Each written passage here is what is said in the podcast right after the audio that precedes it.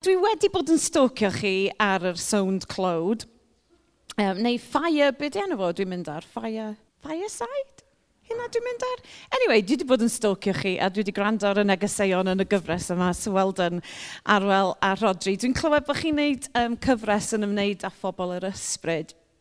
So beth sy'n ar ynghalon i bore yma yw um, edrych ar pobl yr ysbryd glân yn cario presenoldeb diw.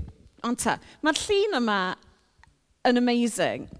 Dwi'n gwybod mae'n edrych yn kind of messy, ond sa chi'n sbio i fewn iddo fo, pobl sydd yna yn codi dwylo mewn addoliad. A um, yn yr eglwys dwi wedi dewis mynd iddo fo yng Nghaerdydd, sef City Church, oedd un o ffrindiau fi jyst yn peintio efo'i dwylo. Ddim efo brwsh paint na ddim byd. A nath i wneud hynna mewn rhyw 20 munud. A basically mae o am bobl, fel ni'n deud, pobl dew yn addoli ac yn just codi dwylo ym mhresynoldeb yr arglwydd. So dyna pam nes i roed ar. Just for the lols. OK. Mae'r Beibl yn cychwyn ac yn gorffen trwy sôn am bresenoldeb yr arglwydd. Yn llyfr Genesis, da ni'n uh, ni clywed am ardd Eden, lle roedd Dyw yn treulio amser efo'i um, creadigaethau yn ardd Eden, reit ar cychwyn y byd. Yn ar ddiwedd y Beibl, da ni'n clywed yn llyfr datgyddiad am y nefoedd newydd a'r byd newydd, lle fyddwn ni yn aros yn ei bresenoldeb am beth. Wrth gwrs, y newyddion da i ni yw fod Dyw yn holl bresennol. Da chi'n gorfod bod amgylch fi am hir i wybod mae un o hoff enwau fi am ddiw ydy Emmanuel. A dwi'n caru'r teitl yna, cos mae o'n sôn am y diw sydd efo ni, diw gyda ni, God with us, Emmanuel. Dyma'r diw yn Hebreod 13 sy'n deud wrtho ni, wnaeth y diw yma byth ein siomi ni, na throi ei gefn arno ni. Dydy mae'n bosib chwaith i ni ddianc wrth i bresenoldeb. Mae Salm 139 yn deud hyn. Ble allai fynd oddi wrth dy ysbryd? I ble allai i ddianc oddi o ti? Bytawn ni'n mynd i'r nefoedd, rwy ti yno. Bytawn ni'n gorwedd i lawr yn anwn, dyna ti eto. Bytawn ni'n hedfan i ffwrdd gyda'r wawr ac yn mynd i fyw dros y môr, byddai dy law yno hefyd i'm harwain. Byddai dy law dde yn gafael yn dyn ynof. Petawn ni'n gofyn i'r tywyllwch fy nghyddio ac i'r golau o'm cwmpas droi y nos. Dydy hyd yn oed tywyllwch ddim yn dywyll i ti. Mae'r nos yn olau fel y dydd i ti, mae goleini a thywyllwch yr un fath.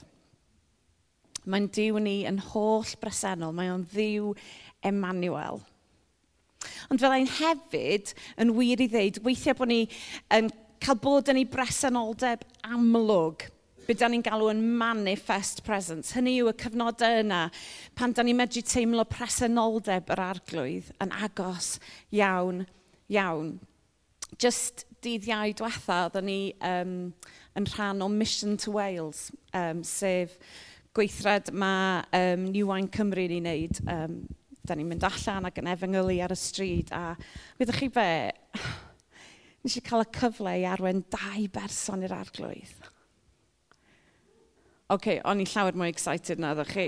Oh my goodness, dwi'n wedi dod dros y peth. OK, dwi ddim yn efeng o lwr, ond just rhyw sut trwy'r sgyrsiau oeddwn i'n gael, oedd y ddau dyn yma o'n i'n sgwrsio efo, just am ddod i'n abod yr arglwydd. A dyma'r hogen ifanc yma o'r enw Lewis, please gweddiwch dros Lewis, Lewis a Jack, dweud y gwir.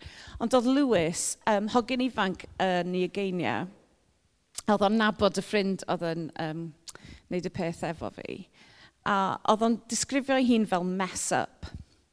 A oedd o'n wneud pob math o bethau, gyda fo pob math o broblemau yn ei bywyd. Ond trwy gydol i fywyd, oedd Dyw wedi bod yn fatha, Lewis, come home. Lewis, come home. Ac um, oedd o jyst yn barod dydd iau diwetha i roed i fywyd i'r arglwydd. So nes i dweud, right, well, um, can I lead you in a prayer of repentance? Oh, yes, yes, yes. Oh, oedd o just mor brwfrydig eisiau wneud. So nes i wneud. Anyway, ar ddiwedd y, y gweddi, nath o fynd, wow! A ni fel, be? A oedd, wow, what happened? A ni fel, I don't know, tell me what happened. A oedd, when you prayed? A ni fel, o'n i jyst yn trio peidio bod yn embarrassing ar Queen Street yng Nghaerdydd, sort of thing. Do'n i ddim yn fel, um, ti'n gwybod, dim dwylo ar neb a llygyd ar agor a pob dim. O'n i jyst yn gweddio yn sgwrsio efo'r arglwydd a ddo fel, what? O'n i fel, what, what did you feel, meddwl fi? Oh, I just felt like, like God was like, whoa. A gyda fo ddim geiriau, oedd o just yn dweud, whoa. O'n i fel, Do you think maybe, Lewis, that that was God just coming and introducing himself to you? Was that Jesus saying hello? Whoa, meddwl o. Ond weithiau, da ni yn medru profi presenol arglwydd tydan yn fwy amlwg na'i gilydd.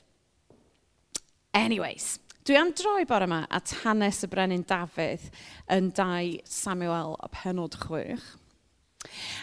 Ond cyn i mi ddarllen hi, dwi eisiau rhoi chydig bach o gyd-destun yr hanes.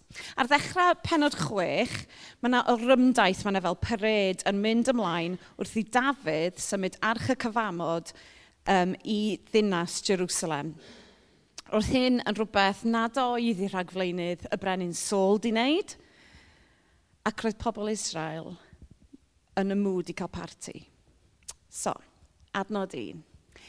Unwaith eto, dyma Dafydd yn casglu milwyr gorau Israel at ei gilydd. Roedd yna 30,000 ohonyn nhw. Dyma nhw'n mynd gyda Dafydd i Beila yn Juda i nôl arch Dyw. Ddim Bala Dalys Demp, so don't get excited. Iawn, Beila. Roedd yr enw Arch Dyw yn cyfeirio at yr arglwydd holl bwerus sy'n eistedd ar ei orsedd uwchben y cerwbiaid. Dyma nhw'n rhoi arch dyw ar gert newydd a'i symud hi o di a abynydab oedd ar ben bryn. Roedd wsa ac achio meibion abynydab yn arwain y cert. Wsa wrth ymyl yr arch ac achio'n cerdded o'i blaen. Ac roedd Dafydd a phobl Israel i gyd yn dathlu'n llawn hwyl o flaen yr arglwydd ac yn canu i gyfeiliant pob math o offer yna. Roedd ganddyn nhw dylynau a nablau drymiau, casanetiau a symbalau. So dyma hi, llun o ddelwedd um, arch y cyfamod. Ddim yr un go iawn, obviously. Oedd yr bocs air hynod addurniedig yma di bod yn ganolbwynt i'r tabernacl. Ac oedd i fewn iddo ymysg pethau eraill, byddai'r ddau dablet oedd efo'r deg gorchymyn arnyn nhw. Roedd yr arch yma yn symboleiddio pwer a phresenoldeb yr arglwydd. Felly i bobl Israel, ble bynnag oedd yr arch, dyna lle oedd Dyw hefyd. Os nad oedd yr arch efo nhw, roedden nhw'n amgyffred nad oedd Dyw gyda nhw chwaith. Ar ben y bocsau, fe welwch chi, oedd yna ddau angel eiraid. A rhyngddyn nhw, roedd presenoldeb yr arglwydd yn gorffwys. Cofiwch, ar un adeg roedd y Philistiad di cipio'r arch, so does na ddim rhyfedd bod pobl Israel yn llawenhau ac yn dathlu yn llawn hwyl o'i chael ei yn ôl. Roedd yr arch yn, yr, yn ôl lle roedd yn perthyn go iawn, reit yng nghanol pobl Israel. Mae pobl yr ysbryd glân yn ceisio presenoldeb diw yn frwd. Fel pobl yr ysbryd glân, da ni'n mynd ar ei ôl o. Da ni am fod ym mhresenoldeb Dyw. Byddwch chi er mor dda oedd cael tywys i yr arch i fyny Jerusalem. Doedd yr arglwydd byth wedi bwriadu iddo cael ei gario ar drol, hen neu newydd. Os ydrychwch chi eto ar y darlun yna o arch y cyfamod, welwch chi fyna ddau polyn hir – yn mynd trwy'r sydd cylchoedd yna ar weilod yr arch. A'r bwriad oedd bod yr effeiriad yn, yn, yn ei chario hi ar ei ysgwydda nhw. Doedd hi byth i fod i fynd ar ben cert. Roedd yr arch i fod yn glidadwy ac yn symudol. Roedd i fod cael ei gario mewn ffordd penodedig. Cofiwch hynna. Cofiwch hynna. Bellach, oherwydd i Iesu anfon yr ysbryd glân ar ddydd y Pentecost, da ni hefyd yn cael y fraint o gario presenoldeb Dyw. Ddim ar yn isgwydda, ar ryw bolion, ond da ni'n cael cario presenoldeb Dyw am fod yr ysbryd glân yn byw yn am ni. Dyma sut mae un Corinthiad yn disgrifio hi. Ydych chi ddim yn sylweddoli mai chi gyda'ch gilydd ydy teml ddiw? So dim mwy o'r tabernacl bellach, ni di teml ddiw. A bod ysbryd diw yn aros yn y deml yna. Bydd diw yn dynistro unrhyw un sy'n dynistro'i deml e. Mae teml ddiw yn gysegredig. A chi ydy'r deml honno. Ni sy'n cael cario presenoldeb yr arglwydd bellach. Ond yn ôl at 2 Samuel, adnod 6 i 8. Pan gyreiddo nhw lawr, dyrnu'n nachon, dyma'r um, uchen yn baglu a dyma wsa yn estyn ei law a gafael yn arch dew. Roedd yr arglwydd wedi digio gyda wsa am y fath amarch. Cafodd ei daro'n farw yn y fan a'r lle wrth ymyl arch dew. Roedd Dafydd wedi gwylltio fod yr arglwydd wedi ymosod ar wsa, a dyma fe'n galw'r lle yn perets wsa, sef ffrwydriad yn erbyn wsa. Dyna di'r lle, neu enw'r lle hyd heddiw. Oce, okay, stop am eiliad. Mae wsa wedi cael ei taro yn farw. Dyna i chi ddigwyddiad brawychus. Maen nhw ar y pared yma fath o carnifal, a mae mae rhywun yn syrthio yn farw o'ch flaen chi. Dychmygwch fod yn yr rymdaith yna. Mae'n swnio'n erchill pam ar y ddeiar bys yr arglwydd yn ymateb i wsa yn ceisio just sefydlogi'r arch. Dyna i gyd oedd o'n ceisio wneud. Wel, mae Dyw yn ddiw sanctaidd.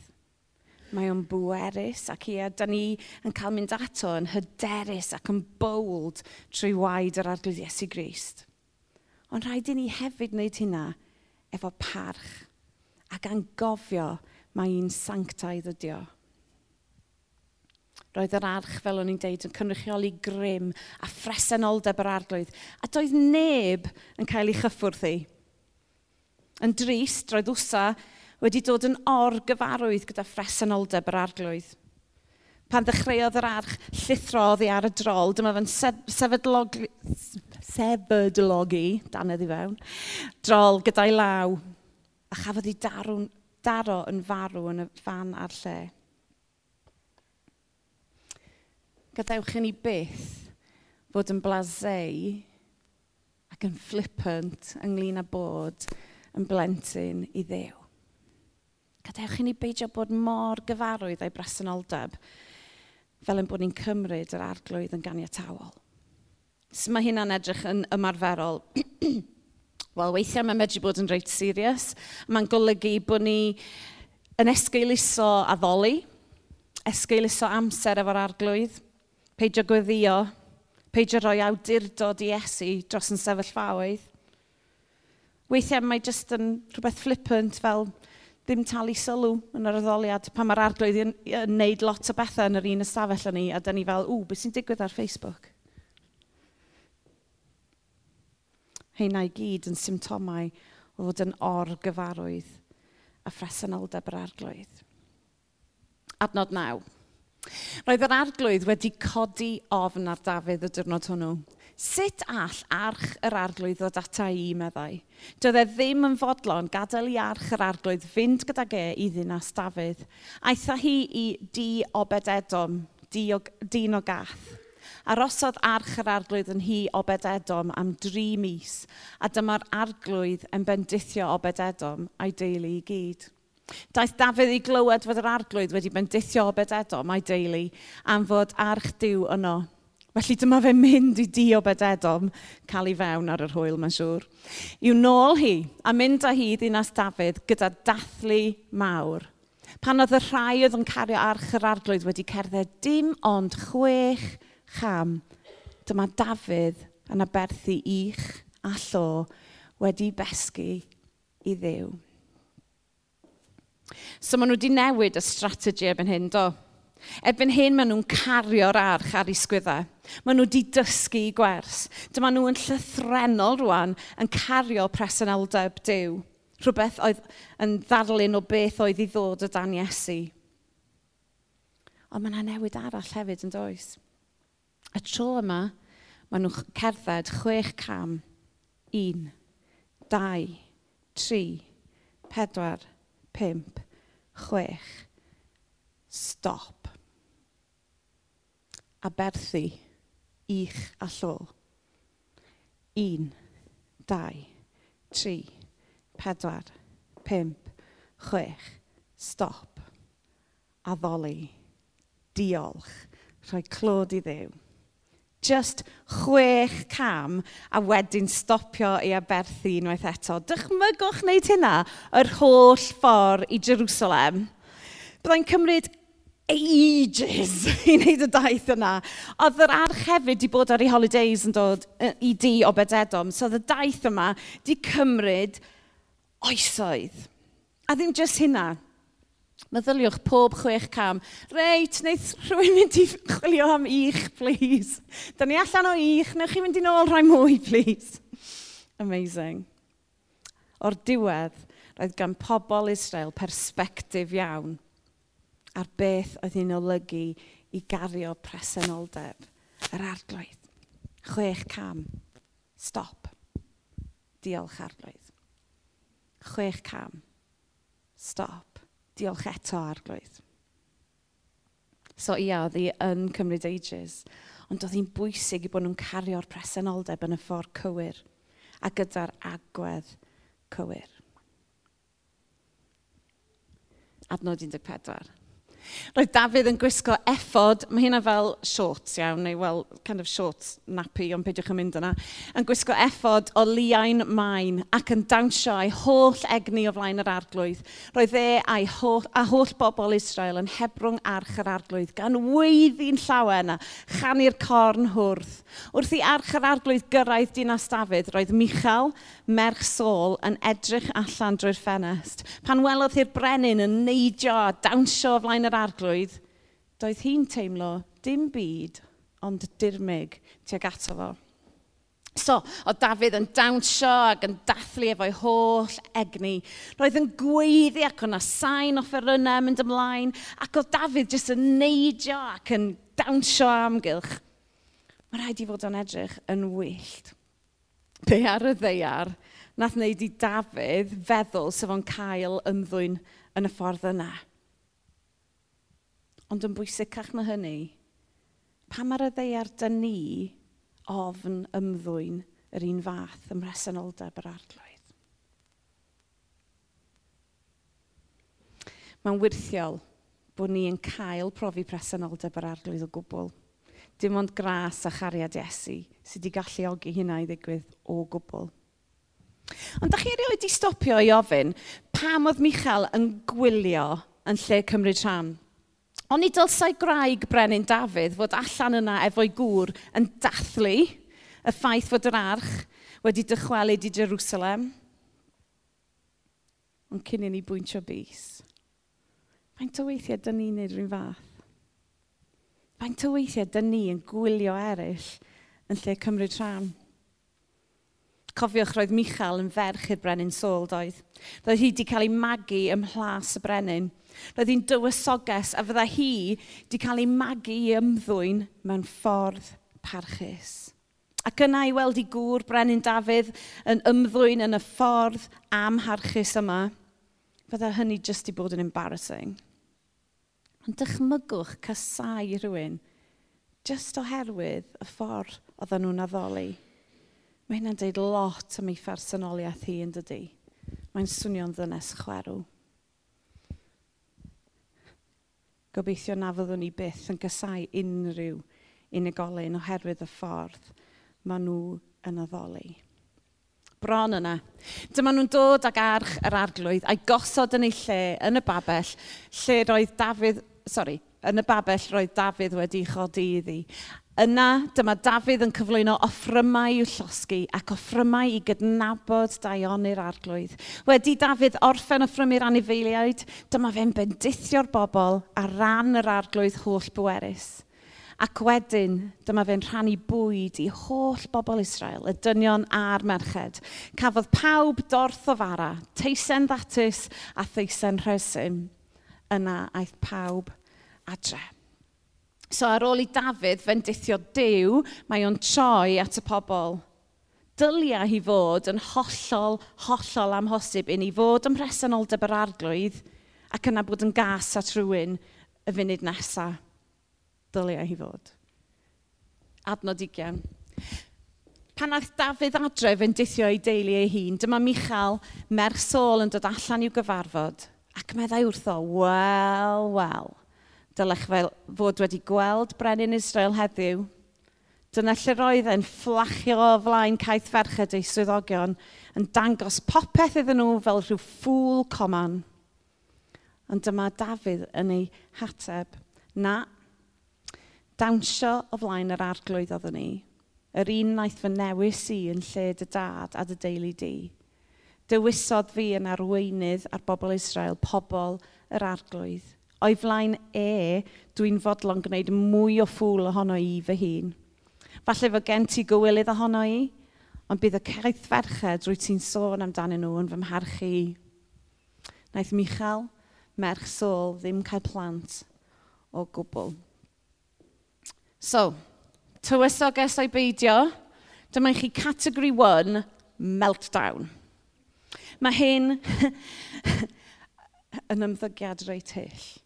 Mae'n ironig dydy bod y caeth ferched yn deall yn iawn pam oedd Dafydd yn dewis dawnsio o flaen yr arglwydd, ond doedd Michal ddim yn deall o gwbl. Eto i gyd, roedd Dafydd yn gwybod yn iawn hefyd be oedd o yn modelu bobl eraill trwy addoli Dyw mewn ffordd mor amharchus. Roedd o'n deall fod daioni Dyw a phresenoldeb yr arglwydd yn mynnu ymateb ac yr unig ymateb yw bresenoldeb, yw just addoli. Wyddach chi beth sy'n rili really brawychus am yr hanes yma? Fod diffyg addoli wedi peri Michal beidio a chynhyrchu ffrwyth. Felly, i orffen, dydy Dyw ddim jyst wedi'n galw ni i fywyd o weithredoedd a tasgau, Ond mae wedi'n galw ni i brofi ei bresenoldeb dro ar ôl tro ar ôl tro. Hynny yw fywyd o gario ei bresenoldeb a ddim ar ein sgwydda ond yn ein calonau. Yndi, mae presenoldeb yr arglwydd yn beth arbennig iawn, iawn, iawn. Ond hefyd mae ei bresenoldeb yn rhywbeth ddigon cyffredin. Da ni'n gorau bod mewn oedfa i brofi bresenoldeb, nag ychwaith mewn adeilad capel nag eglwys. Mae Dyw am yn i brofi bresenoldeb yn y car, ar y stryd fel dydd iau, yn y gwaith yn y tŷ.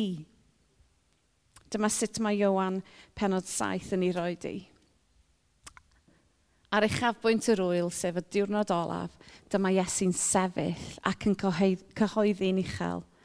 Os oes syched ar rywun, dylai ddod i yfed ata i.